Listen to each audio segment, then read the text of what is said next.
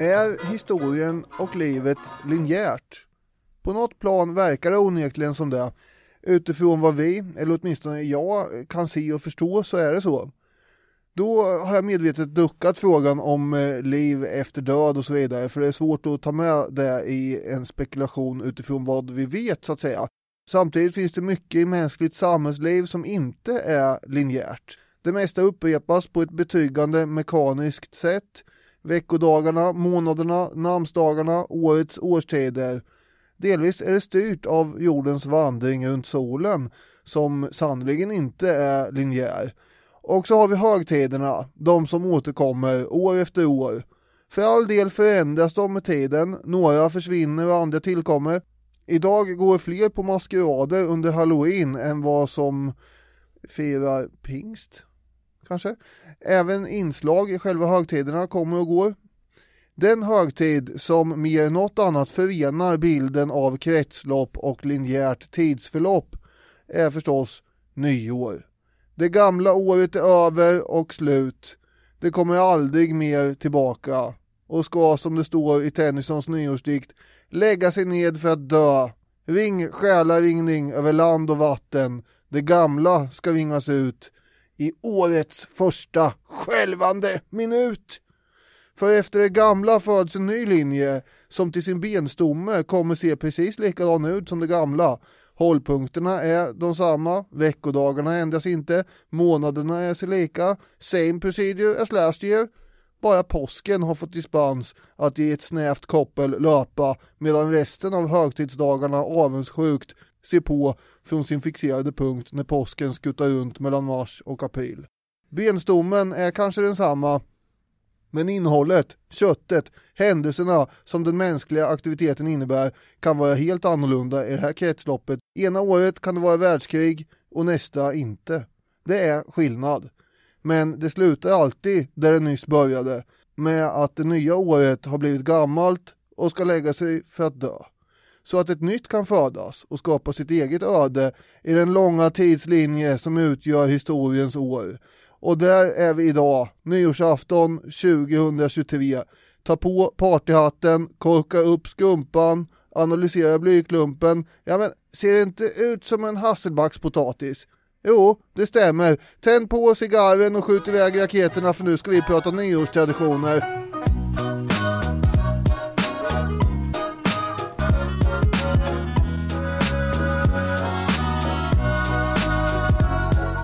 Ni är varmt välkomna till Historiepodden. Det är nyårsafton i Sverige, underbart att få släppa ett avsnitt då.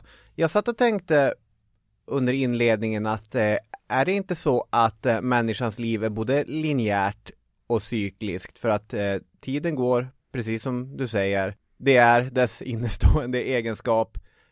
Men människornas liv är cykliska. Vi föds, vi åldras, vi får barn, vi dör och så sen tar nästa generation vid och gör precis samma resa. Det, det är nästan mer konsekvent än veckodagarna. För fort är det gjort att det kommer någon fransk revolutionär och menar att vi ska ha tio veckodagar istället för sju. Ja, i all eh, välmening här så är det väl ändå så att de revolutionsförsöken har ju inte riktigt fungerat i längden. Utan nu har vi, nu har vi suttit med de här antalet veckodagar i åtminstone några tusentals år. Ja. Så jag vet inte riktigt, det är inte som att det händer Men rätt vad jag är. Nej, men de är ändå nästan mer flyktiga i sin karaktär än vad människans biologiska cykel på något sätt är. Oh well, det var, eh, det var välfunnet. Väldigt fina nyårsreferenser du hade smugit in där på ett Mm. snyggt sätt. Ja, det här är ju ett något mer extrovert och glammigt firande än det där inåtvända och hemkära julfirandet så att säga. Mm. Förra veckan var vi ju då eh, frågan om det och det var ju just huvudpersonen Dickens fel. Ja, just det. Och jag har ju äran att eh, välkomna dig till huvudstaden. Mm, Vi tackar. sitter här i Acast studio och spelar in. Och det är med viss sorg som jag konstaterade när jag, jag var här lite tidigt i morse för att se vilka som satt och väntade på att spela in. Jag tänkte, kanske är Agneta Sjödin här. Det är hon ju från och till. Mm. Men eh, tyvärr inte. Då hade vi kunnat ta in henne i studion och fråga, hur känns det att vara petad från Agnetas nyårskarameller? Ja, det hade man gärna velat veta eh, på ett eh, mer eh, ingående plan än det som står i, i tidningar kanske. Ja. Vi ska sätta igång med det här avsnittet. Eh, du presenterar att det kommer handla om nyårstraditioner. Jag har mest förberett nyårskåserier, vilket jag uppfattade som briefen till det här avsnittet. Ja, det. Men det, det kan ju vara levande dokument, de kan förändras under tidens gång, som högtidernas innehåll eh, kan göra. Så vi kommer prata om, om nyår på ett eh, kåserande och traditionsbundet sätt och det ska vi sätta igång med nu.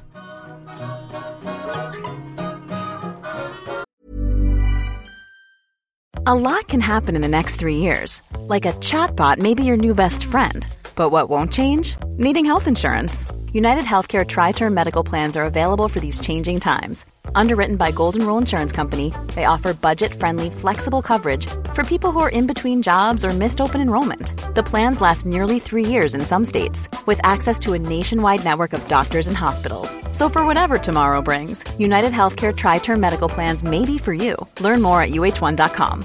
Everyone knows therapy is great for solving problems, but getting therapy has its own problems too, like finding the right therapist, fitting into their schedule, and of course, the cost. Well, BetterHelp can solve those problems. It's totally online and built around your schedule. It's surprisingly affordable too. Connect with a credentialed therapist by phone, video, or online chat, all from the comfort of your home. Visit betterhelp.com to learn more and save 10% on your first month. That's BetterHelp H E L P. There's never been a faster or easier way to start your weight loss journey than with PlushCare. PlushCare accepts most insurance plans and gives you online access to board-certified physicians who can prescribe FDA-approved weight loss medications like Wigovi and Zepbound for those who qualify.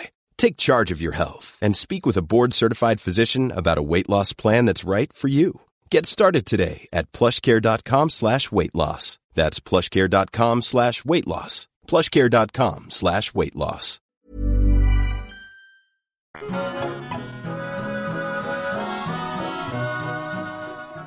Ja, jag tänkte ju det att det var det det skulle handla om, men sen måste man ju ha med en del eh, traditioner från före vår tid också så att säga. Ett kåseri är väl mycket personliga anekdoter och reflektioner kanske. Ja, Men eh, det är väl traditioner och sådana berättelser i alla fall. Vi ska alltså inte fastna i kalenderexercis här, men man måste ändå säga något om det här, om just vilket datum som räknas som årets första dag. mm. För första januari har ju inte alltid varit nyårsdagen. nej, före 1500-talet inföll det kristna nyåret den 25 december och var liksom del av julfirandet. Ja, precis. Och innan det så var det ju första mars då under romarnas era, så att säga. Eh, vi måste ju alltid börja med romarna förstås. Första september i det bysantinska riket. Ja, det droppar en väldig massa eh, datum här. Om jag kunde få eh, avklara en lite stringent sammanhållen förklaring Ja, ja, ja, till det hela här kanske. Så är det så att romarna höll på med första mars, det var liksom första dagen på året fram till år 153 före Kristus. Mhm. Då ändrar man ju den här saken formellt Eh, och då hade den redan i praktiken varit ändrad sedan tidigare så att man hade första januari som årets första dag. Och, och det här var ju då den dag som de nyvalda konsulerna skulle tillträda. Problemet var att från första mars hann man inte riktigt göra det som konsulerna ville göra, eh, det vill säga förbereda arméerna inför krigssäsongen på sommaren. Eh, Det var för kort spann va, mellan första mars och sommaren typ, så att Flytta tillbaka det lite. Ja, och då blev det eh, första januari. Och sen då, eh, efter sisådär 500 år som du var inne på så kommer ju den kristna kyrkan och slår igenom och då tycker man att eh, romarnas system med första januari det är förknippat med brakfester och sånt där. Mm. Så då ändrar man det så att juldagen också blir nyårsdag. Och så var det faktiskt i Sverige ända fram till 1500-talet som du sa Ja, förvirringen och olikheterna har varit stora. I England firar man nyårsdagen den 25 mars fram till 1753. ja det är sent. Det är ganska sent ändå. Och det 25 mars är ju för att då antog man att det var, det var väl då Jesus tillverkades. Istället för när han föddes då. Ja, Eh, och i, man vet ju inte hur den eh, själva fortplantningsakten Ja, det- går till. Det är det- så oerhört luddigt datum att välja. det är ett helt eget avsnitt och kapitel och där tror jag. Orsaken till att man valde september i Konstantinopel, vad jag förstår, var att man ville skilja sig från Rom. så att det var lite grann, eh, vi kan inte göra likadant som de töntarna. Ja, då ska jag komma in med en lite mer eh, vetenskaplig, synd att kalla det, för, förklaring, men åtminstone på något sätt hade man ju räknat ut att Gud skapade ju världen 7508 år tidigare och det var den första september. Yeah. Så att eh, man hade ju räknat på det här. Just det. Det hade inte bara att göra med att det, man ville ha, liksom inte vara som Rom, för Rom var ju ändå någon form av förebild. egentligen. Ja, det, det kanske var det Ebbe Schön som skrev att eh, eh, i Konstantinopel tog man ej gärna marschorder från Rom. Det är inte helt sant, men fin formulering. Vitsig också med marschorder. Det här höll ju i sig ett tag då, för Ryssland tog ju sen över östkyrkans syn på saker och ting och eh, där var det först med reformatören Peter den store och sekelskiftet år 1700 som Ryssland fick den 1 januari som nyårsdag. Och det där gjorde att ryssarna fick fira nyår två gånger inom loppet på fyra månader. Först 1 september 1699 antar jag och sen 1 januari år 1700. Mm, precis. Men det viktigaste för människor med nyår i bondesamhället det var ju att lista ut hur framtiden ska skulle bli med hjälp av olika spådomar och skrock och sånt. Ja, exakt, för hela den här grejen med nyårsafton tycker jag man ska säga att det var ju i sig ingen jättestor sak i, i bondesamhället. Alltså, och, vår idé med nyårsfirande kräver ju en exakt tidsuppfattning och det här har vi också gjort avsnitt om tidigare, att när du räknar dygnet i fjärdedelar eller på sin höjd timmar eller hur högt solen står på himlen, då är det väldigt svårt att stå och säga 10, 9 och jag vet inte vad klockan är egentligen. Alltså, den exakta tidhållningen är en industriell uppfinning. Den kräver mekaniska ur, den kräver järnvägens tidstabeller som ska vara likadana överallt. Och när vi har de aspekterna på plats, då kan vi också börja räkna ner. Tills vi får stämpla ut i fabriken, eller tills vi får korka upp och säga Gott nytt år! Mm. Bondesamhället då? Ja, Ja, hur gjorde de där? Ja, för vad som finns att prata om är ju som du säger, spådomar. På midsommar förekommer det ju fortfarande att vi plockar blommor och lägger under kudden för att skönja vad som finns där någonstans i en ännu oskriven framtid. Men i bondesamhället så var nyåret nästan ett ännu bättre exempel än midsommarafton. Det hände till exempel att eh, en kvinna som hoppades på ett giftermål begav sig ut för att niga eh, mot nymånen. Och då skulle man ha psalmboken med sig ut där i nyårsnatten. Och när man då har eh, nikt, antar jag att det heter, mot eh, nymånen, då öppnar man psalmboken, bara helt slumpmässigt, och så ser man, är den här salmen lättsam eller allvarlig? För var den allvarlig, då var det en varning om mycket mörka tider, men var den lättsam och härlig, då var det ett löfte om året som komma skall. Mm. Mer dramatiskt är ju de som vågade sig ut att gå årgång. Mm. Det är ju riktigt dramatiska skeenden här. Först skulle man avstå mat och dryck. Mm. Man skulle, jag vet inte, vara lite ren. Att, eh, att fasta är ju en gammal god tradition.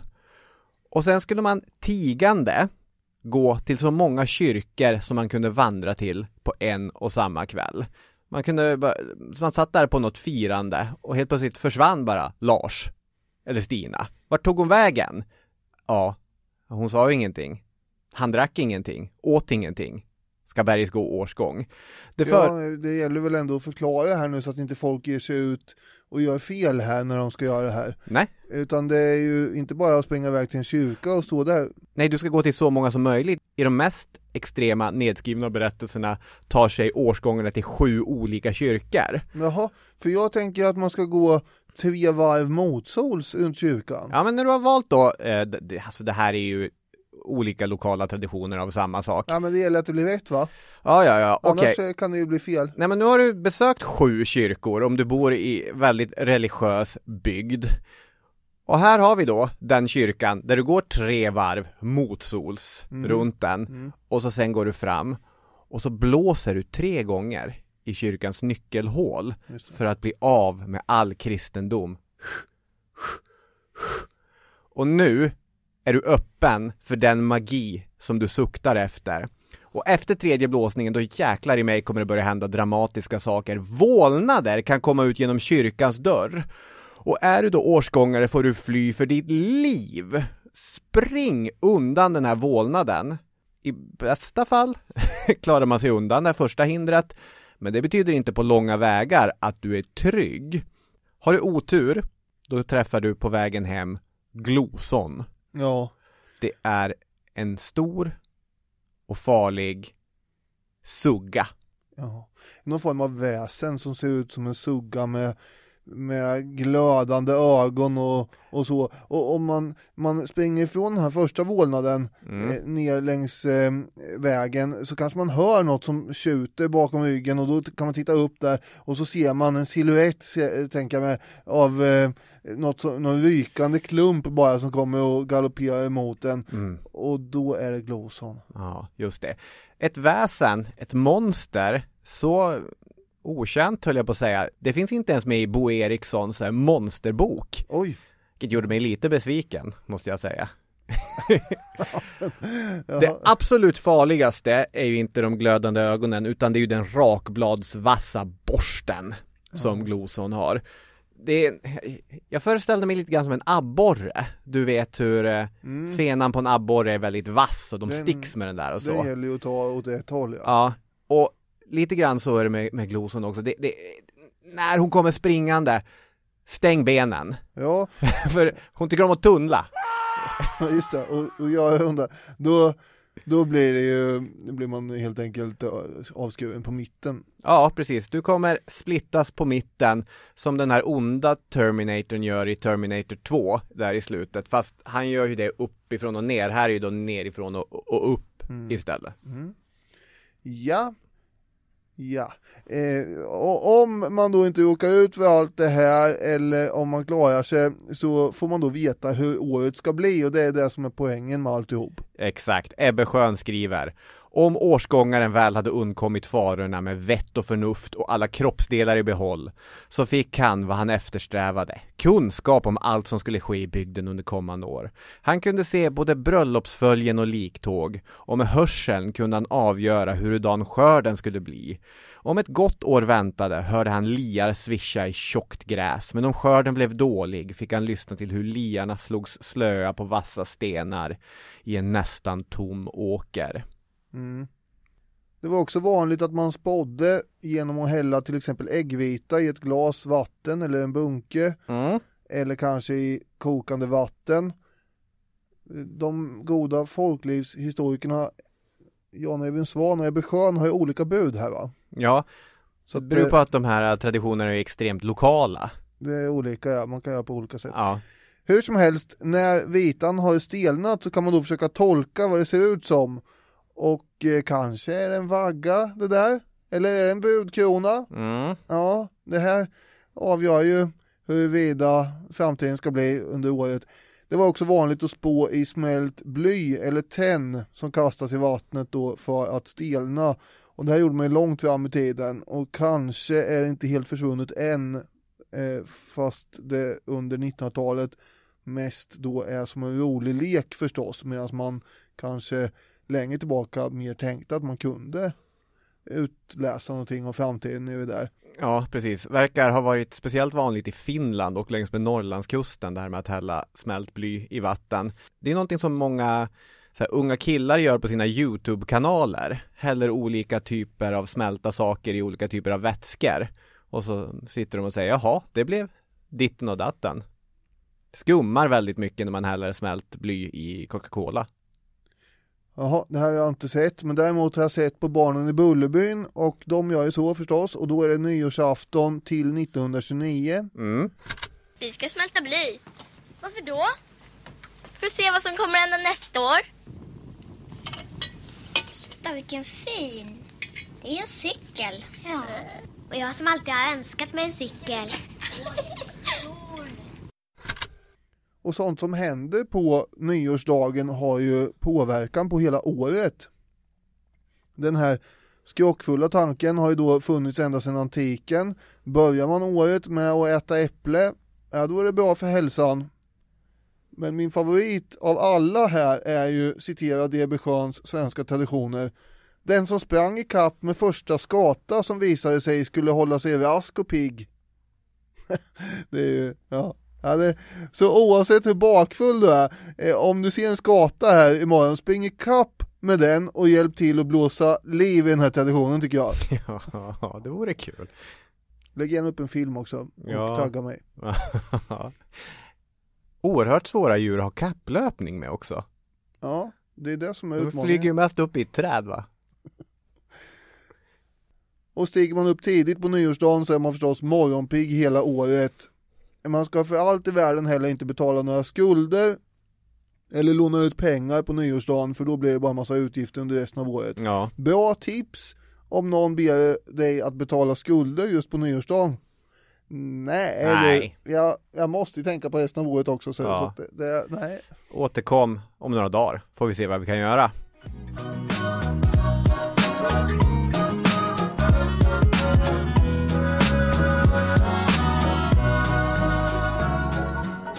Förr i tiden så hände det då att man tog fram eh, bössan och sköt i luften i olika väderstreck någon gång på nyårskvällen Mm. för att skrämma bort troll och oknytt och sånt som får runt i nyårsnatten.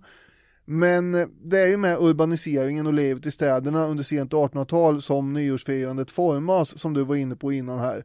Det är då nyårsvakor också börjar bli vanliga och det är då som det blir en särskild högtid överhuvudtaget egentligen. Och det här beror ju då på något så till synes oväntat som järnvägen Mm. som du sa. Och eh, förtog hela min poäng. Den bredde ju ut sig i Sverige då på den här tiden, kan man höra om i avsnitt 280 för övrigt. Och med den får landet en enhetlig klocktid som införs på nyårsdagen 1879. Och det här betyder då att hela landet går alltså efter samma tid och från en sekund till nästa så befinner sig hela folket i ett annat år på samma gång. Mm. Och det här skapas ju en fascination kring förstås kring det här exakta klockslaget på nyårsnatten och eh, det gör ju att eh, firandet förskjuts längre framåt midnatt eh, så att säga. Och nyårsvakor blir allt vanligare under andra hälften på 1800-talet när man eh, har tillgång till sin klockor då. Och man kunde gå ut och lyssna på kyrkklockorna eller sitta kvar inne och lyssna för det gick ju med i och för sig göra eh, som slog in det nya året. I början var ju den varianten inte sanktionerad av någon präst eller kyrkan utan det var ju skojfriska ungdomar Mm, just det. som klättrade upp eh, i kyrktornen och, och ringde i, i klockorna för att ringa in det nya året. Men efter första världskriget så blev det här organiserat från kyrkans håll också. Apropå Bullerbybarnen, när klockan närmar sig 12 där så springer de fram till fönstret för att se när, när det nya året kommer.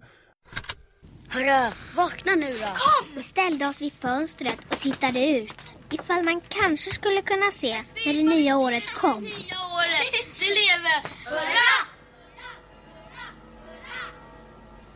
Men det var precis som förut.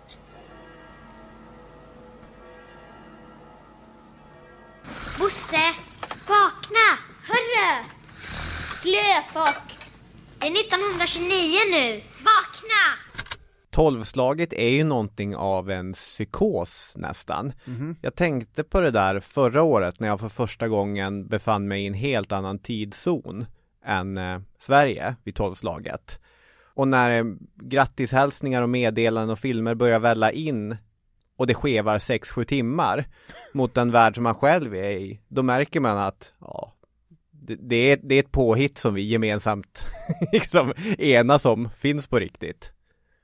Ja, ja så är vi ju eh, rent eh, exakt på klockslaget så är vi ju så. Men eh, det är fortfarande så att jorden, det tar ett år för jorden att gå runt solen. Ja, det- är det gör det. inte Nej, jag ifrågasätter inte det. Nej, skönt. Sen har vi det här med fyrverkerier också som inte var så utbrett på landsbygden 1929. Det var därför inte Bullerbybarnen såg några. Nej, kommer det av traditionen att skjuta med gevär upp i luften? Det här tror jag Mm. att det hänger ihop med. Det är ett antagande som folklivshistorikerna gör. Mm. Just det, jag skulle ju då ta över manteln eller stafettpinnen efter Ebbe Schön, Ja. har du sagt någon gång. Ja, jag har föreslagit det. Ja, jag vet inte riktigt hur det går med den biten. här. Nej, du måste ju börja spara ut skägg och köpa en sån här äh, hatt. Antingen en sån här snusmumriken strut eller kanske mer en sån här Petson-hatt, något av dem. Mm, just Jag känner mig lite, jag känner mig inte riktigt hemma i det här, utan jag är lite mer då geopolitiskt konflikthistoriskt intresserad om jag ska vara helt ärlig. Men det här har ju sin charm med. Det kanske räcker med Jan Öjvind Svan-brillorna. Ja, de har jag ju inte och behöver inte. Eller jag behöver ju glasögon, men inte så. Ja, hur som helst. Eh, det kommer förmodligen från det här med att man har skjutit med bössan i luften och Ebbe Schön han låter ju nästan bitter och lite asketisk när han skriver så här. Oväsendet idag överskrider ändå med god marginal gamla tiders larm och dån och festandet har fått proportioner som våra förfäder knappast hade kunnat ana. Mm. Och det här var ändå 1998. Ja. En stor del av hela den här idén som vi har kring nyårsafton att det ska vara fina kläder, det ska vara god mat, gärna trerätters, även i familjer som står väldigt långt ifrån konceptet trerätters. Konceptet amouche bouche. konceptet eh, vad det nu kan röra sig om.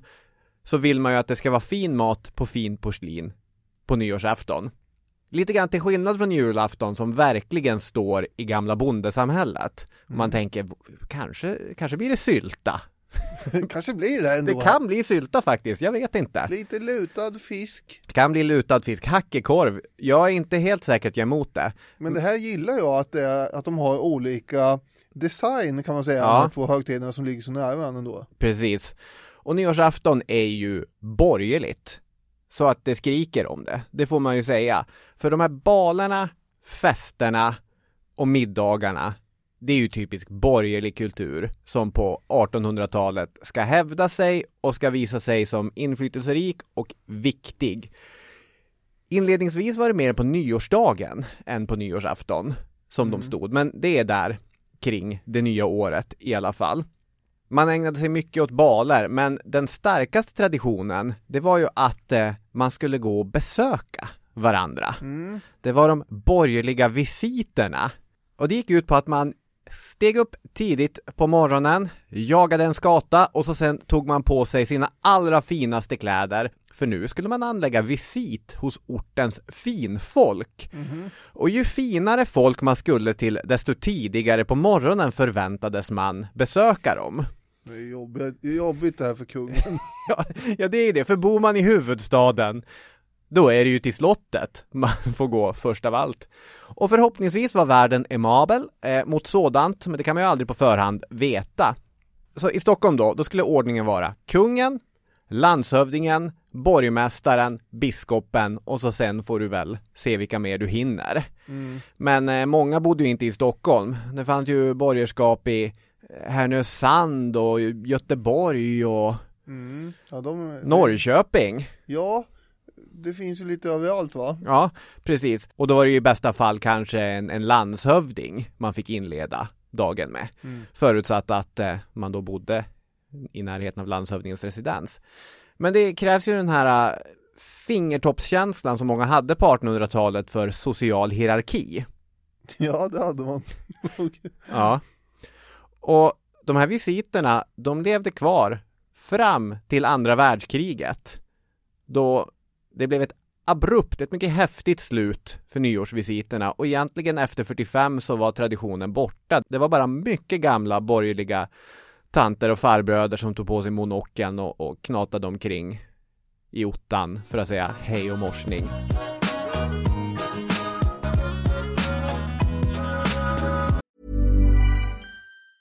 Burrow is a furniture company known for timeless design and thoughtful construction and free shipping, and that extends to their outdoor collection.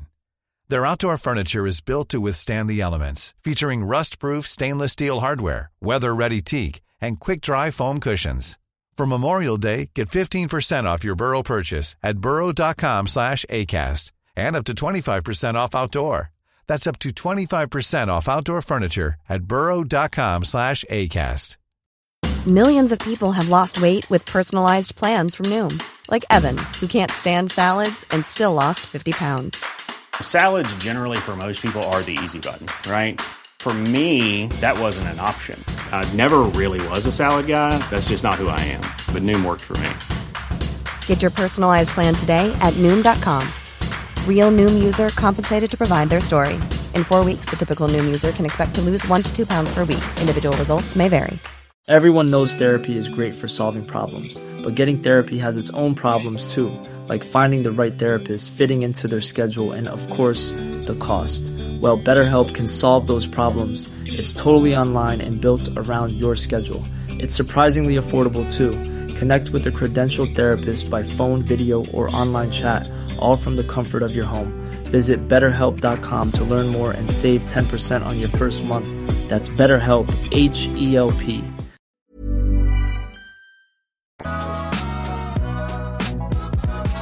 Jag har skrivit ett kåseri om eh, millennieskiftet, Mm. som är eh, det nyårsskifte som jag bäst kommer ihåg ändå. Tänker att det är en ganska rolig upplevelse att ha varit ung tonåring vid millenniumskiftet. Mm. Ibland när vi pratar om historiska fester, Nordenskölds ankomst till Stockholm eller liknande, då känns det ju som att där kring sekelskiftet så var det en helt annan tid. Att när det hände något festligt, då gick man all in på det.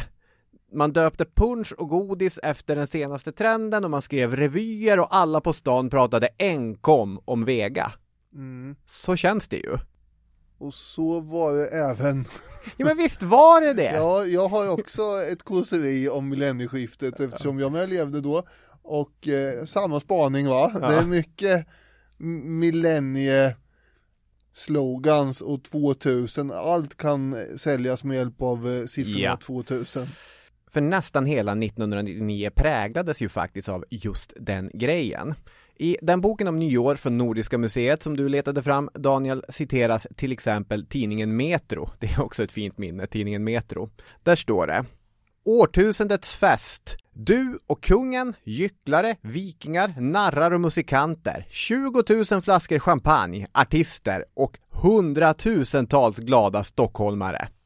En multimediashow, står det, visade tusen år av svensk historia på en stor vattenvägg vid Norrström. Nyårsfyrverkeriet skulle bli det största någonsin i Sverige. Åtta ton krut gick upp i rök under en kvart. Vem av oss kommer inte ihåg millenniumbuggen? Det var ett antagande om att många maskiners räknesystem inte skulle klara av övergången till ett nytt millennium. Min familjs video slutade förvisso inte fungera, men den insisterade på att året var 1900. Så det finns fortfarande en hel del så här, jag vet inte, Dansa med vargar som är inspelat 1903 och liknande. Och det är också sant att faktiskt många maskiner hade sådana problem. För jag läste en Guardian-artikel av Martin Thomas, professor, professor emeritus i datorvetenskap och den som själv ledde Y2K-arbetet för ett av världens fyra gigantiska konsultbolag, Deloitte. Han berättar eh, att säkrandet och arbetet inför millenniumskiftet kostade flera miljarder och att det var enormt många arbetstimmar som gick åt. Och trots att så många människor jobbade med att millenniumsäkra våra datorer och, och eh, VHS-maskiner så var det, det var flera kreditkortssystem som kraschade under januari. Det var 15 kärnkraftsreaktorer som fick stängas ner och eh, både Kina och Hongkong hade omfattande problem med sina statliga datorer. I en hyrfilmsbutik i New York hade man ett system som insisterade på att kunderna hyrt sina filmer i över 100 år och det kostade 91 000 dollar för kunderna att lämna tillbaka. Ja, dansa med vargar, om det var den de hade haft med sig, det vill säga. Dyrt. Ja, väldigt dyrt. Mer allvarligt är att på ett sjukhus i Yorkshire gavs fler än 150 gravida kvinnor felaktiga bedömningar om risken att deras barn skulle födas med Downs syndrom. Thomas skriver Buggen var ett verkligt hot och den internationellt samordnade insatsen måste betraktas som en stor framgång.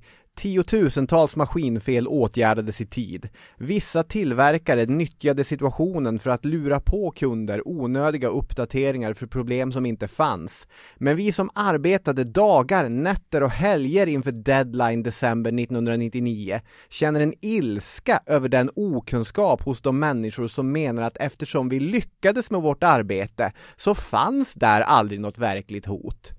Han är han är sur över att Y2K, Millennium-buggen, har blivit någonting som folk skrattar åt. Att det gick vi omkring och oroade oss för. Ja, ja det förstår jag då, för man har ju åtgärdat mycket av det som faktiskt kunde ha blivit illa då. Ja. Och då är det ju ganska otacksamt när, när det hånas då. Ja. En annan sak kommer jag ihåg, och det var hur idén om ett nytt millennium påverkade musiken också. Och jag har tre exempel för att stärka den här spaningen. Silverchair hade en stor hit med Anthem for the year 2000. Första raden går typ, eh, översatt av mig här, Vi är ungdomen, vi ska förgöra din fascism. Vi är ungdomen, spara dina ursäkter till en annan dag. Och så fortsätter den att nu är det år 2000, här kommer ungdomen. Och eh, vi kommer göra allting bättre in the year 2000 kan de utvärdera eh, hur bra det har gått sen dess, idag kanske. En mer krass kommersiell satsning är ju Will Smith som bara försökte tjäna lite stålar på att eh, så många verkade intresserade av det här med millenniumskiftet. Hans Millennium Y2K, en festlåt som eh, framförallt står och faller med att den samplar The Clash odödliga klassiker Rock the Casbah. Men eh, precis som i fallet med Kanye West som samplade Move On Up och eh, när Madonna samplade ABBA, eh, Gimme Gimme Gimme Slingan, så blir det blir inte annat än halvbra. Det är för starkt original. Mm. Men kungen, det här vet jag att du kommer hålla med om. Mm. Kungen av millenniumskiftet, det var ju Robbie Williams. Jaha. Nej, jag tänkte mer på eh, jag tänkte Markoolio. Okej, okay, då får, får vi lämna över till Markoolio alldeles strax. Eh, Robbie Williams Millennium, den kom redan 1998 men den var precis överallt det året. Jag satt på ett forum och läste igenom massa människors minnen från festerna 1999. Och det var väldigt, väldigt många, framförallt britter, men väldigt många som kommer ihåg att det var just den låten som spelades när det nya året ringdes in. En berättelse som jag läste handlade om ett rave i Sheffield, där 32 000 människor var på en stadion där och de dansade, det var de bästa DJs i hela landet. Tydligen tog det slut sprit i baren att köpa, men det var inget problem för det fanns en och annan mindre laglig substans där ute i folkhavet också. Och det var dance lovers och det var hård musik och tre minuter före tolvslaget så tystnade musiken och så sen så lägger de på Robbie Williams Millennium.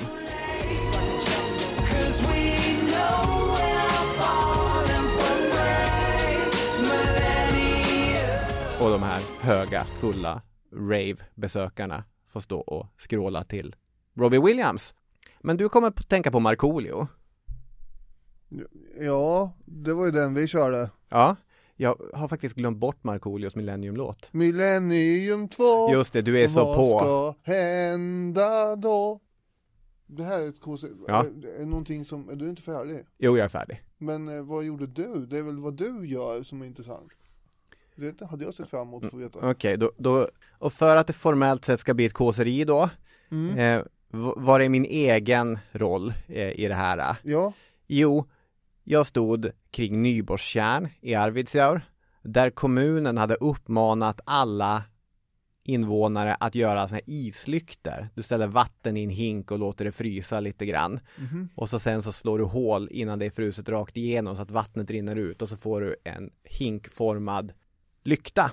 Ja, ja. Och hundratals sådana var tända runt sjön i centrala Arvidsjaur. Och jag tror på riktigt att hela samhället var där nere. Och det var svinkallt och man gick runt och en väldigt så här, ovanligt starkt minne av att vara del i ett sammanhang. Och att alla tyckte att det var stort och imponerande och viktigt det där som hände. Mm. Men åtta ton krut gick inte åt, det kan jag inte tänka mig. Nej.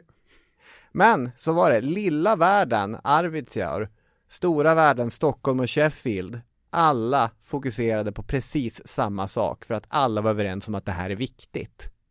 Och apropå viktiga saker, traditionen med dikten Nyårsklockan Mm. måste vi gå igenom här. Den börjar ju på Skansen förstås. Återigen är det Arthur Hazelius som är inblandad.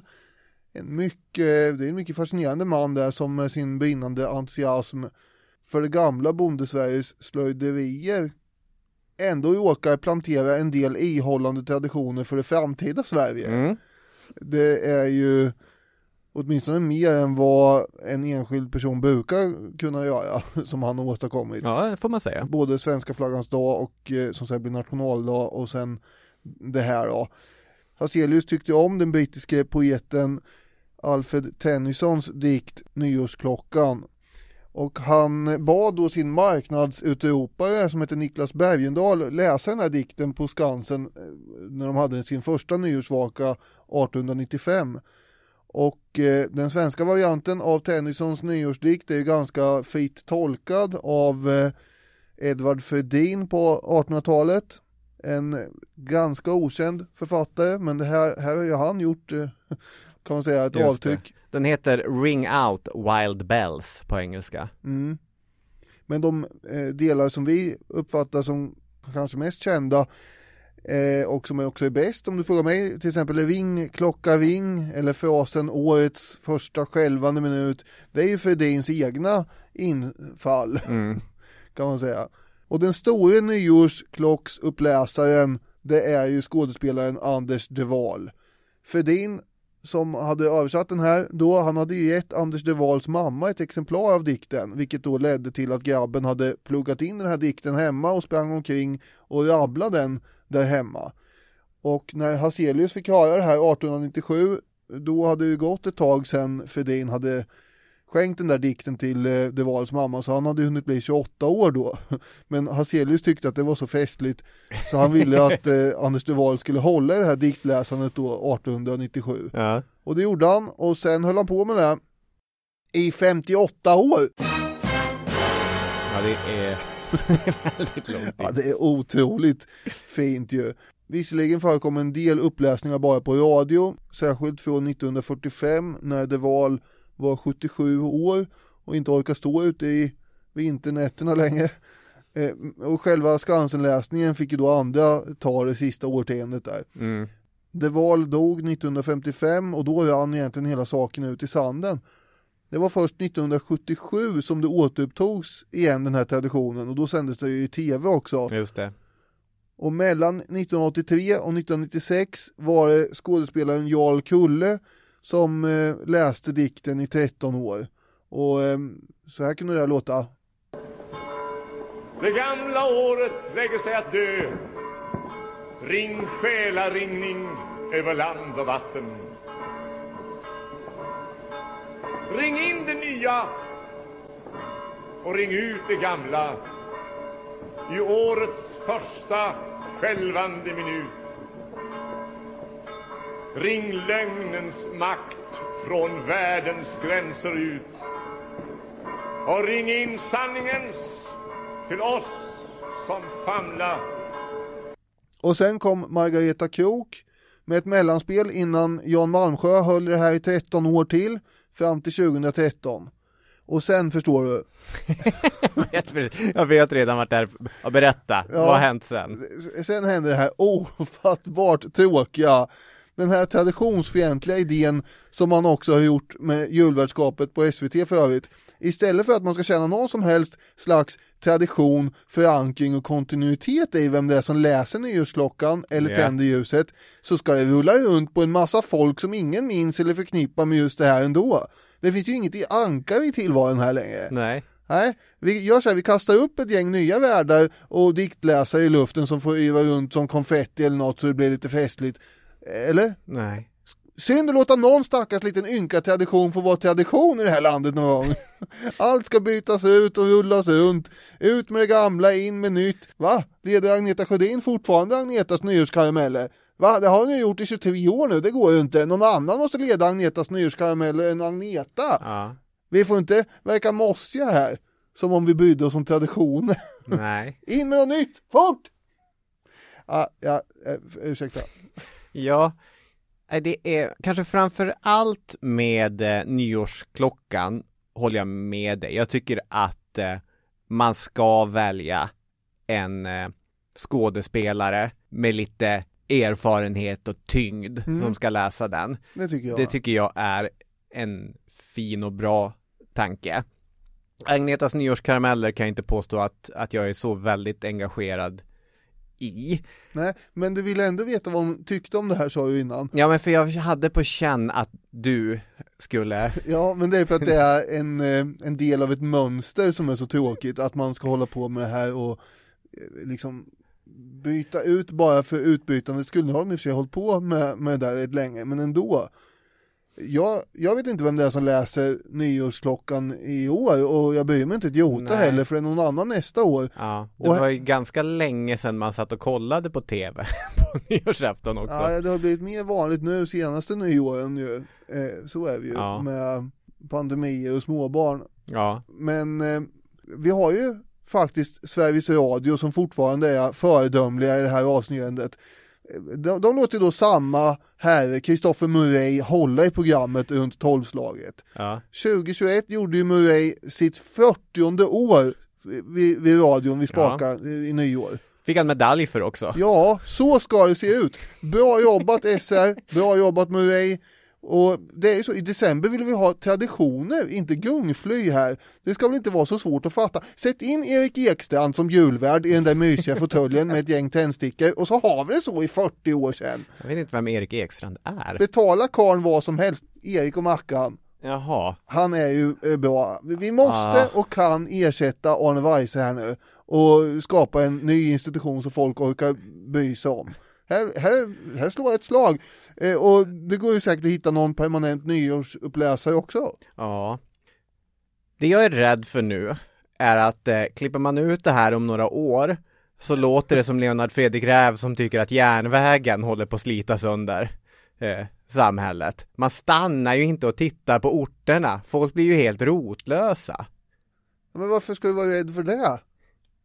Har, har, har Räv så himla fel? Jag tror ändå att... Ja det eh, har han väl kanske på sitt sätt men det, han har ju inte bara fel. Nej, man Det kan ju- skynda långsamt. Viss skillnad också på 1840-talet och nu, för att nu går allt mycket snabbare och eh, i onödan. Från det ena till det andra så har vi, och ändå detsamma, så har vi Esaias Tegnérs dikt Det eviga Ja, från 1808 eller 1810, det är lite oklart. Den blir också uppläst i P1 runt tolvslaget och det var den första dikt som lästes i Dagens dikt för övrigt 1937. Både nyårsklockan och det eviga innebär ju ett hopp om att framtiden kommer att bli ljusare och fredligare.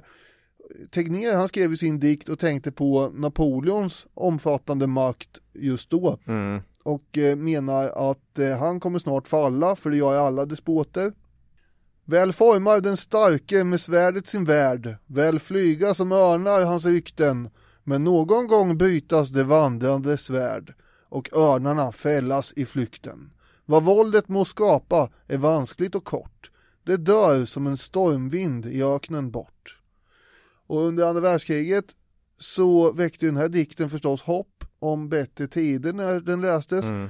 och det gör den kanske skulle kunna göra nu också för nu är den ju relevant på sätt och vis igen. Mörkret som vi befinner oss i nu 2023 kan ju inte hålla i sig för alltid väl. Och just nyårsnatten är ju särskilt bra för sådana här dikter för då är ju som du har varit inne på med Terminator-referenser det nya året som ett oskrivet blad. Allt kan hända och därför kan man få hoppas. Så jag hoppas att det som står i dikterna kommer att slå in, det vill säga mer fred. Men jag hoppas också att man placerar någon enskild person att hålla i det här varje år. Kontinuitet, det är något vi behöver. Så fatta all sanning, så våga allt rätt och bilda det sköna med glädje.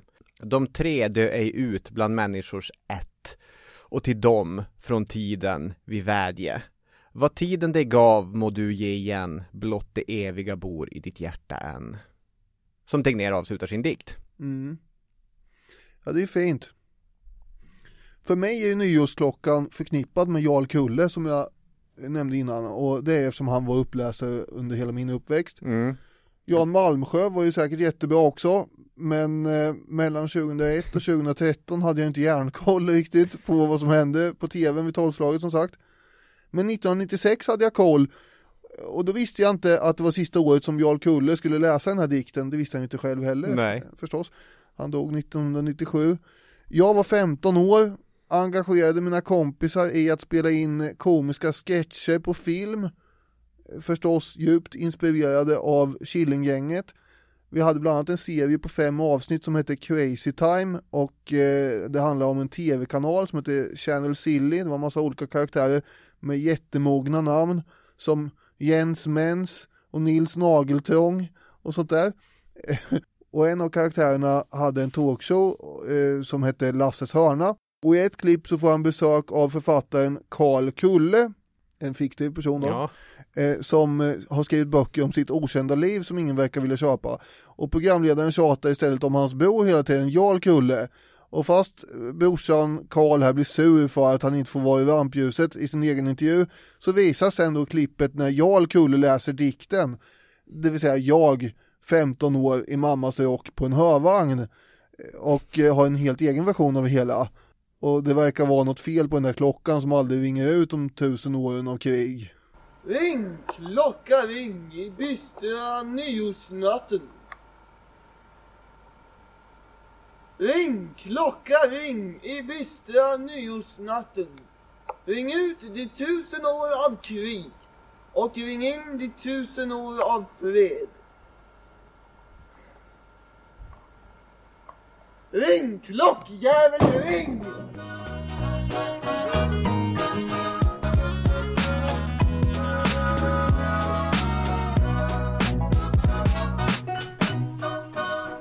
Det förindustriella samhället så var ju nyårsfirandet som vi har sagt helt inbäddat i julfirandet. Vilket då ledde till att det var ju samma mat eh, som under julen helt enkelt. Men som du var inne på, under 1800-talet så kommer borgarna och saker och ting ändras. Jan Öyvind Svan skriver Skinka och gröt får stå tillbaka för menyer med hummer och oxfilé och gatorna är fyllda av ungdomliga gäng som drar från det ena diskot till den andra baren. Mm. Där är han värderande. Ja, det är någon ton Mellan raderna finns Ja, det en ton. Verkligen. Eh, men det är ju inte säkert att det alltid är sådär lyxigt och elegant som Svan antyder. Ja, det var ju jätteroligt. Det, det glömde jag skriva ner, men jag kommer att tänka på det nu, för det är väl i, i samma text i någon annan text att eh, Tore Wretman, är det 1971, i alla fall någon gång på 70-talet, så kommer han med förslaget att eh, en lämplig nyårsmiddag, det är korv stroganoff med lite frukt till efterrätt. Biff stroganoff. Det var biff stroganoff, lite finare ändå. Ja, Mm, ja precis. Det var... vad Med ris sa. såklart. Mm. Ja visst, det är väl inte där man äter nu. Men eh, alltså ända in på 90-talet så föreslogs det ju rimmad lax och dillstövad potatis som en perfekt nyårsmiddag. Gott. Och det är ju gott. Men det är bara det att det ska vara ännu mer eh, lyx nu på något sätt då. Mm. Eller lax kanske har blivit lite för, vad ska man säga, vardagligt. Havets falukorv har jag hört eh, en kock kalla det. Och, Alltså. alltså. han menade då att eh, folk ser på lax som havets falukorv. Men så var det ju inte på 90-talet. Nej, nej. För då, det kommer jag ihåg, eh, kommer ihåg, jag såg det ju rätt nyligen om man ska vara ärlig. I Sunes jul så säger ju då Sunes pappa att eh, ta mycket lax nu, det är dyrt. Ja, gott menar jag. Är gott. Apropå Wretman så fick han ju ändå in någonting på menyn som förmodligen är kvar fortfarande på de flesta bord kring nyårsafton och det är ju toast Skagen Mm. som man tänkte ut på 50-talet. Klassiker. Mm. Har inget med Skagen och Danmark att göra men ändå. Nej. Andra klassiker är ju Grevinnan och betjänten. Grevinnan firar sin 90-årsdag, har inga vänner i livet kvar men ändå firar hon då med sin betjänt som intar alla rollerna. Det här har ni kanske sett, har ni inte sett det så är det läge att se. Eh, Och han blir ju fullare och fullare för varenda runda. Precis som man vill ha det på högtider så är det då ett bekant mönster för varje runda där betjänten då James ska skåla med grevinnan. Och ändå är det ju något lite nytt tokigt som händer i varje skålrunda så att säga. Det här är en fantastisk sketch förstås Ja. som är skriven på 1920-talet. Men det slog aldrig riktigt i England och ändå gick den någon vända på Broadway 1953. Skådisen heter ju Freddie Frinton och det är han då som är betjänten James som gör den här sketchen helt och hållet till sin ju. Mm.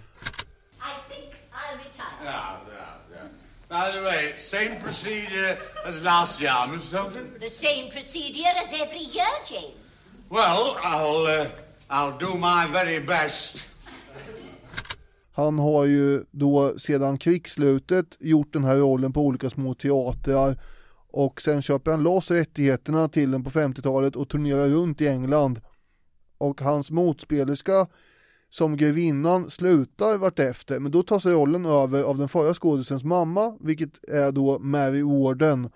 Och eh, det är hon som sen kommer bli känd som grevinnan Miss Sophie.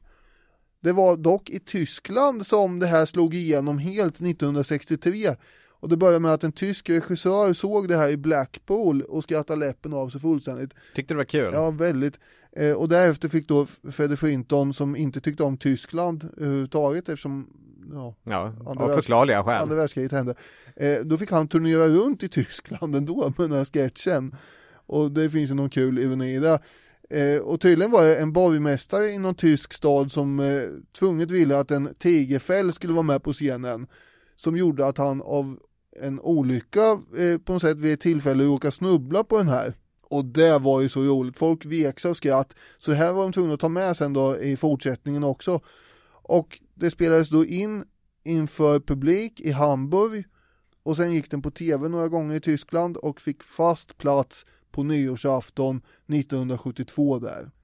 Samma år, alltså 1963, gjordes en annan inspelning i Schweiz och det är den vi har i Sverige och i Skandinavien tror jag generellt. Och där är kulisserna lite annorlunda. Den är sju minuter kortare än den från Hamburg. SVT köpte in rättigheterna till den här 1963 men de vågade förstås inte visa svenskarna det här för det var ju så mycket alkohol inblandat. Så att det kunde man inte hålla på med. Eh, den sändes först 1969 och sen kom den upp på tablån mer permanent från 1976 på nyårsafton. Är det en typisk svensk grej att det är nyårs tradition nej, nej. utan det, det, är alltså det är alleuropeiskt. Ja den visas i många länder i Europa, Australien och Sydafrika. Ja. Enligt Guinness rekordbok är det det mest enskilt återkommande tv-programmet i världen. Mm. Men däremot i Storbritannien, där eh, ursprunget är, där sändes den första gången, när tror du? 1987. 2018. Ja, du ser. Ja. Svårt då när det redan finns Monty Python och alla andra sketchprogram. Ja. Kids in the Hall och Killinggänget och så slå sig in på det är väl det. marknaden. Sen har det gjorts massor med parodier på det här förstås, eller vad man ska kalla det. Ian Wachtmeister och Bert Karlsson har gjort en egen klassisk variant på det här. Och vid bordet så låtsas de ha sina eh, kollegor, de fyra borgerliga partiledarna och så är ju då Ian Wachtmeister eh, betjänten och eh, Bert Karlsson är grevinnan. Och så har vi våran lille bild. Fröken Bert. Sverige behöver Europa. Skål. Skål. En kommentar på Youtube är eh, detta var lite för mycket PK för mig såg jag att någon har skrivit och det tycker jag var väldigt roligt. Om Ny Demokrati! att 30 år senare så framstår Ian Wachtmeister som alldeles för PK. Det är ändå kul. Ja, det... Och sen har vi revygänget i Örebro med Peter Flack och Gunilla Åkesson som gjorde parodi på Ian och Berts parodi. Det är bra. Ja. Bert, jag tycker vi måste börja resonemangen och vi ska tala lite grann om lapplisor. Ja. Var vänlig servera argumenten. Ja, hörde, är det samma argument som före valet då? Ja, det är samma argument som alltid. Ja, hörde, då tycker jag vi slår ihjäl dem allihop. Ja, jag tycker det låter som en check och bra idé. Ja, det är det. Ja, till det dricker vi ett glas beska droppar. Ja. Körsö ryker. Ja. Nu hänger vi med. Ja, det ja. gör vi det. Och kul grej där är ju att på Wikipedia kan man då läsa att Gunilla Åkesson som eh, då eh, Bert Karlsson, hon, hon skäller då på en tavla med citat någon kung på. Klippt i verkligheten där man ser Vänsterpartiet, kommunisternas partiledare Lars Werner på tavlan. Han är ju ingen kung. Nej, Ja, och sen har vi ju Plankan, en ordlös kortfilm om eh, två snickare som eh, är på jakt efter en planka. Ja. Den har ju gått på andra tillfällen än nyårsdagen också, men ändå. Ja. Kommer jag ihåg. Ja. Väldigt kul. Ja. Hur stor roll tror du den spelar i många svenskars nyårsfirande? Nej, ingen just nu, men Nej. det här är ju ett eh, program Ja. om historia så Ja, absolut. Så att eh, därför tar jag upp den. Ja. Och eh, hur stor roll spelar Ivanhoe i de flesta svenskarnas? Nej, alltså jag tror inte att det är så många som ser Ivanhoe längre, men den har ju en större kulturell plats i att väldigt många kopplar ju nyårsdagen till Ivanhoe. Man kan göra det ja. Ja men alltså jag har ju inte sett hela Ivanhoe än. Nej. Eh, överhuvudtaget. Är det någon form av nyårslöfte som jag borde avge att se? Det är ju inte en speciellt bra film egentligen, så jag tycker nästan att du kan göra något annat. Jaha. Ja, men det är något man bara har gjort, tänker man. Ja, det är väldigt förvånande att du inte har sett Ivanhoe som annars det är kanske så. beror på att det är en dålig film. Jag har ju sett delar. ja. Men, eh, för, och det tycker ju Sam Neill som också är med i filmen eh, att det är en rätt dålig film för övrigt. Ja. Han eh, fick ju veta för några år sedan vad jag förstår att eh, svenskarna har, har hållit på med det här i 40 år. Ja, och det är ju en tv-film, ganska billig produktion. Ja. Jag har ett litet märkligt inslag här, för jag hade ursprungligen tänkt att eh, genom att läsa nog många nyårskåserier så skulle jag kunna berätta en historieskrivning om nyårskåseriets utveckling. Ja. Och det höll jag på med. Men eh, sen körde jag fast och framförallt så fastnade jag för det jag tyckte var den mest intressanta nyårskåserande texten. Och den kommer från 1991. Vad jag menar är detta. De senaste två, tre åren så har jag haft känslan att eh, vi för första gången sedan, ja kanske 2001-2003 lever i historieböckerna. Alltså, man skulle kunna förlåta den som trodde att historieskrivning handlar lika mycket om all tid som har gått. Att eh, köper du en bok om 1900-talet, då är det en sida per år på 1900-talet. Men så funkar ju inte historieskrivning, eller hur? I själva verket är det ju vissa år och månader som fyller historieböckerna, medan andra år, stiltjesåren, det taktfasta lugnets välsignelse, blir ett pliktskyldigt stycke i en historieskrivning som längtar till stormen, egentligen. 1991, då var jag sex år gammal Mm. och jag bodde i en liten kommun på gränsen mellan Norr och Västerbotten. Jag hade fullt upp med Teenage Mutant Ninja Turtles och att leka kurragömma med Dunk. Så historiens gång gick mig lite förbi. Men jag kände något lite svindlande när jag läste Karl Zetterströms jul och nyårskåseri i Dagens Nyheter 1991. Karl Zetterström som kåserade som Karl Z. Han var författare och kåsör. Typisk nepo baby. Känner du till det ordet Daniel? Nej. Det står för nepotism baby. Alltså nepotismbarn. Mm. Och det handlar om ett barn som lyckas väl inom den karriär där deras föräldrar redan har varit mycket framgångsrika. Det var en väldigt kul debatt om det där för ett eller två år sedan när eh, kulturjournalisten och författaren Sanna Samuelsson skrev i Göteborgs-Posten att det var ett demokratiskt problem med alla kändisbarn som får klippkort till Parnassen. Och då svarade Martina Montelius, dotter till Kristina Lugn i Expressen att Samuelsson hade fel. Citat. Om du har ett känt efternamn, ja då jävlar kan du publicera dig. En gång, möjligen två. Men går det inte bra åker du ut, om du så är barn till Gud fader själv. Vilket är, är kul, tycker jag. Det är max två gånger du får publiceras. Ja, det är ju ofta fler gånger än de flesta andra har möjlighet. Ja, så precis, en vi- viss fördel tycks man ändå ha där. Sansens och balansens Jonathan Unge, son till Cecilia Hagen såklart, eh, tog en lite annan ståndpunkt. Vi kulturbarn har en orättvis fördel, men det finns massa andra orättvisa fördelar man kan ha, som utseende till exempel. Jag är glad åt mitt försprång, jag tror jag behövde det, säger Unge i en intervju med Aftonbladet. Tillbaka till Karl Z. Hans pappa hette Erik Zetterström och han skrev under signaturen Kardemumma. Eh, Han är den största kåsören i svensk historia. Enormt framgångsrik, uppskattad och läst. Hans fru, Karl Zätas mamma hette Marianne Zetterström och var kåsör. Hon skrev Ja. i Svenska Dagbladet under namnet Viola i massa, massa år. Så det här är liksom eh, det svenska kåseriets ultimata nepotismbarn. Alltid kul att lära sig glosor. I alla fall, så här skriver Karl Z den 22 december 1991. Han börjar med att eh, beskriva en scen. Julhandlade. För mycket i huvudet som därför var tomt. Tankarna tog så att säga ut varann. Som när en färgsnurra fått upp farten, bara gråvitt. Och så beskriver han hur han går längs med Östermalm och, och känner kanske inte så mycket. Men sen händer någonting. Han går förbi ett konditori som också skyltar med smycken och stenar. Skriver han.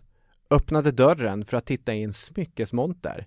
Vid ett bord två fnissglada flickor som ropade på innehavaren. Claudio! Flickorna var stamgäster och nu tog de fram en gåva till sin värd. Det var en gyllene kungakrona, om än i papp. Du ska ha en krona i jul, för du är vår kung Claudio. Och Claudio lät sig krönas och skrattade. Plötsligt fick jag julkänsla, en lugn glädje av det korta knasömsinta scenen på konditoriet, en halv minut bara. Och sen känns allt bra. Och då kommer han med massa önskemål inför det nya året.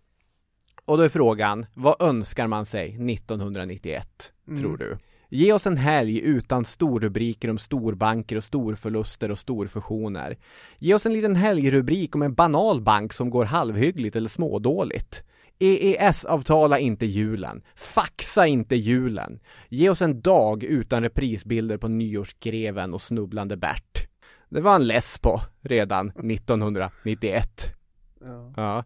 Ge oss en chans att förstå årets sista nyheter innan årets första ställer dem på huvudet. Ryssland vill med i NATO, är sådant man dragit till med i nyårskåserier med halsbrytande spådomar. Annan tid. Ja.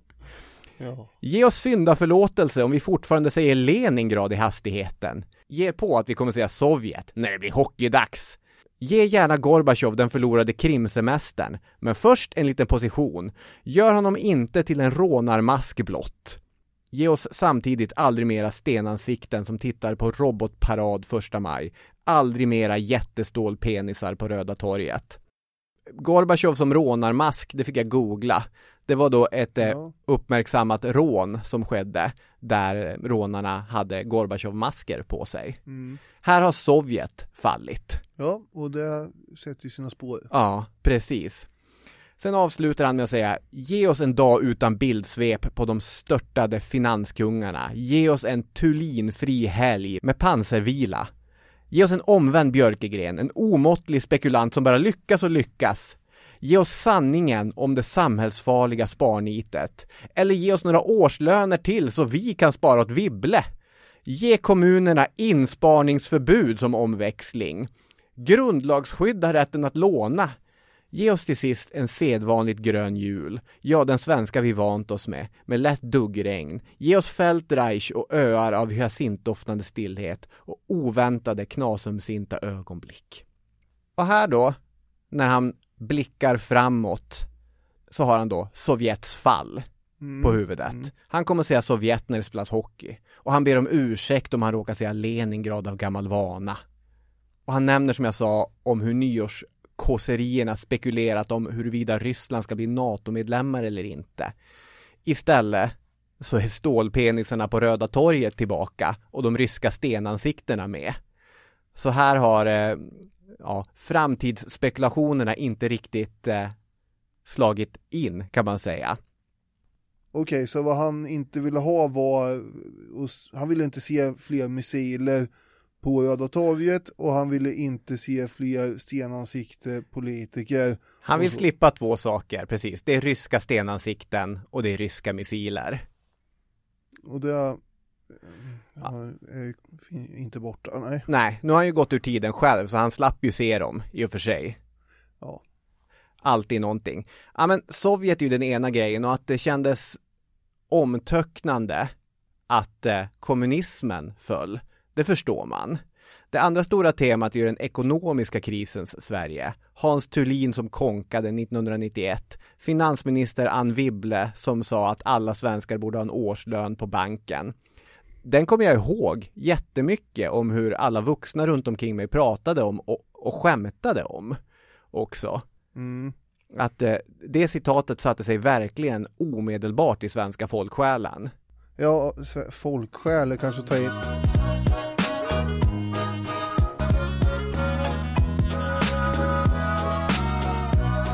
Just 1991 så var det ju mycket som hände. Jag kommer ihåg det här med att eh, de pratade hela tiden om att eh, Sovjetunionen inte längre existerade och det Mm. var ett jättekonstigt ord och sånt där.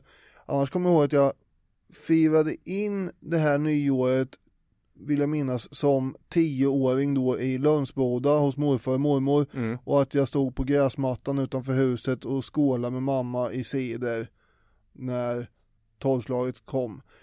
Jag är ganska säker på att det här var 1991 för på tv sjöng Vikingarna framför enorma siffror där eh, den sista siffran sen byttes ut vid midnatt. Det stod ju 1991 först och sen tog man bort den ettan så blev det en tvåa. Ja, det var säkert det. Jag tycker du ska lita på dina minnen. Ja.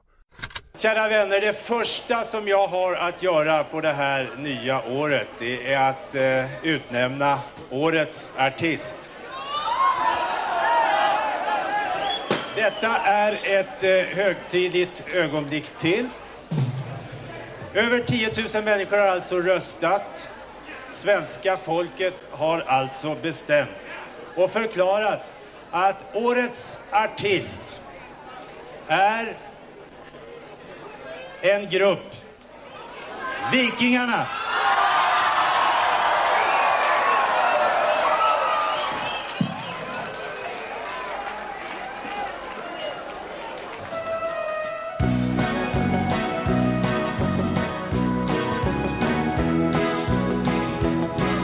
Jag sitter här i nattens sena timmar Apropå minnen så har jag några sådana också kring millennieskiftet faktiskt då. Hysterin som du var inne på förut var ju total i hela samhället och, och så. 1999 just hade jag passande nog fyllt 18 år. Mm. så det, nu, nu jäklar. Eh, och eftersom alla runt omkring hade panik kring vad man egentligen skulle ta vägen så fick det bli så att jag höll min första och enda hemmafest.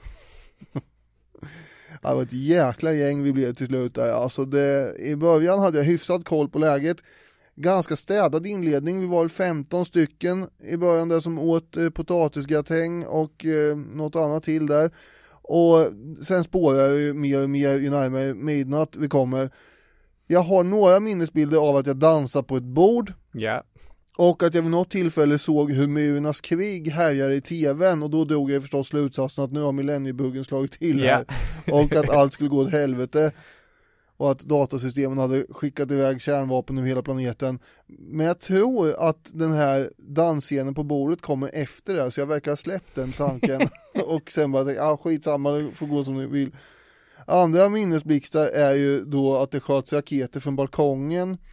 Folk slogs så blodet sprutade inne på toan och mammas skålar i köksbordet sprängdes sönder och smällare. Golvet var klistrigt Oj, av allt oj, oj, öl oj, oj, som folk hade tappat ut och musiken var så hög så taket höll på att lyfta.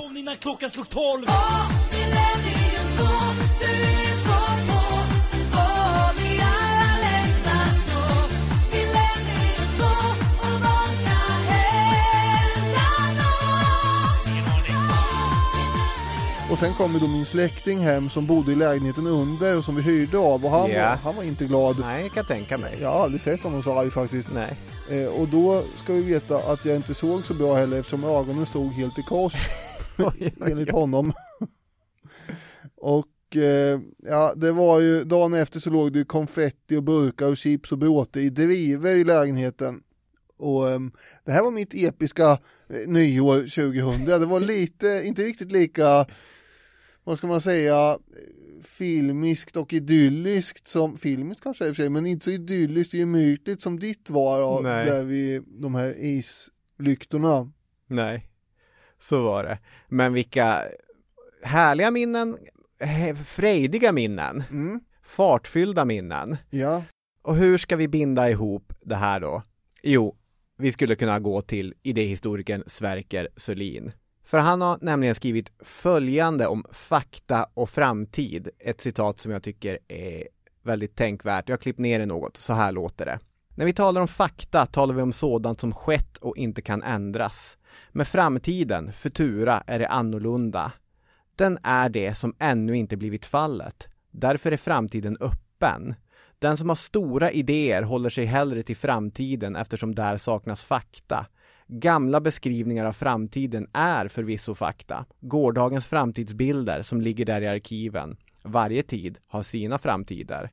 Denna avsaknad av fakta om framtiden är idealisk för föreställningar. Men vid vissa tider blir upptagenheten med framtiden extra akut. Jag tror det finns två huvudsakliga lägen när sådana tider uppstår. Det ena är vid djup kris och det andra när det finns särskilt stora möjligheter. Ibland kan dessa två lägen sammanfalla. Under normala tidsskeenden, då samhällsutvecklingen löper på till synes ganska ostört, ter sig framtiden inte lika intressant. Och den texten handlar egentligen främst om de nya frågor som den globala omställningen ställer. Och på det fältet finns det ju otroligt många konkurrerande framtidsbilder. Hur ska vi leva fossilfritt? Eftersom vi vet att en förändring måste komma, men vi vet inte vilken förändringen blir. Och jag tror Selin har helt rätt i när framtiden är extra intressant, vid kris eller möjlighet.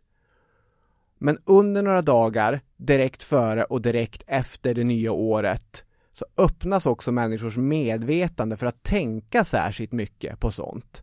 Eller hur? Att vi blickar tillbaka på det gångna året, vi blickar tillbaka på ekonomiska kriser, 1991 och 2023, på den galna utvecklingen i öst 1991 och 2023 och vi försöker sia om vart fasen vi är på väg. I nyårsfirandet befinner sig människan samtidigt i det förflutna och i framtiden, i fakta och futura för att låna Sörlins fras. Och det är nog det jag gillar allra bäst med just nyåret, att man är samtidigt i det förgångna, det nuvarande, men också framtiden. Och om ni lyssnar på det här på nyårsafton så är det så att imorgon har vi ett nytt litet år att ta hand om. Så Det har vi. får vi se hur det utvecklas. Och när det sen har dött så skulle man kunna tro att eh, ingen bryr sig om det längre. Men det är ju fel för vi på Historiepodden kommer att börja intressera oss för det året på allvar först längre fram va? Ja, så är det. Och hur det ser ut då i början på det här nya lilla året, det är så att vi tar en veckas uppehåll här över 13-helgen som sig bör. Det gör vi. Som vanligt. Yep. Och så är vi tillbaka den 14 januari. Mm. Ha det så trevligt med backhoppning, pizza och Ivanhoe imorgon. Backhoppningen hade jag glömt. Ha det så riktigt jäkla fint. Gott nytt år så ser vi alla tillsammans fram emot 2024. Det gör vi. Det är nu det vänder. Nu vänder, vänder, ja, ja nu vänder det till det bättre hoppas vi. Exakt. Ja, eh, gott nytt år Gott allihop. nytt år! Ring ut! Ring ut det tusen krigens år!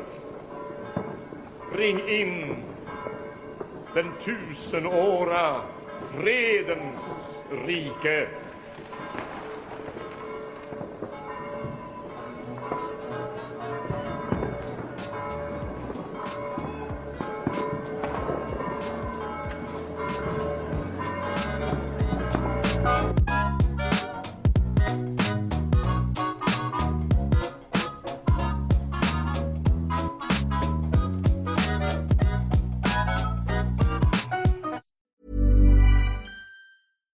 Deserves the best, and there's no better place to shop for Mother's Day than Whole Foods Market. They're your destination for unbeatable savings, from premium gifts to show-stopping flowers and irresistible desserts. Start by saving 33% with Prime on all body care and candles. Then get a 15-stem bunch of tulips for just $9.99 each with Prime. Round out Mom's menu with festive rosé, irresistible berry chantilly cake, and more special treats. Come celebrate Mother's Day at Whole Foods Market. Even on a budget, quality is non-negotiable. That's why Quince is the place to score high-end essentials at 50 to 80% less than similar brands. Get your hands on buttery soft cashmere sweaters from just 60 bucks, Italian leather jackets, and so much more.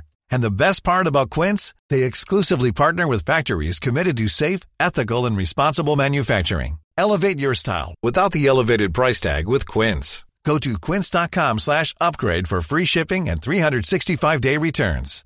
With the McDonald's app, you can get your favorite thing delivered to your door. So if you were looking for a reason to skip washing those dishes you left in the sink, consider this a sign. Ba-da-ba-ba-ba. Right now, get $0 delivery fee with any purchase of $15 or more, only in the app. At participating McDonald's, minimum purchase excludes tax and service fees. Delivery prices may be higher than in restaurants. Other fees may apply, not valid with any other offer, discount, or coupon.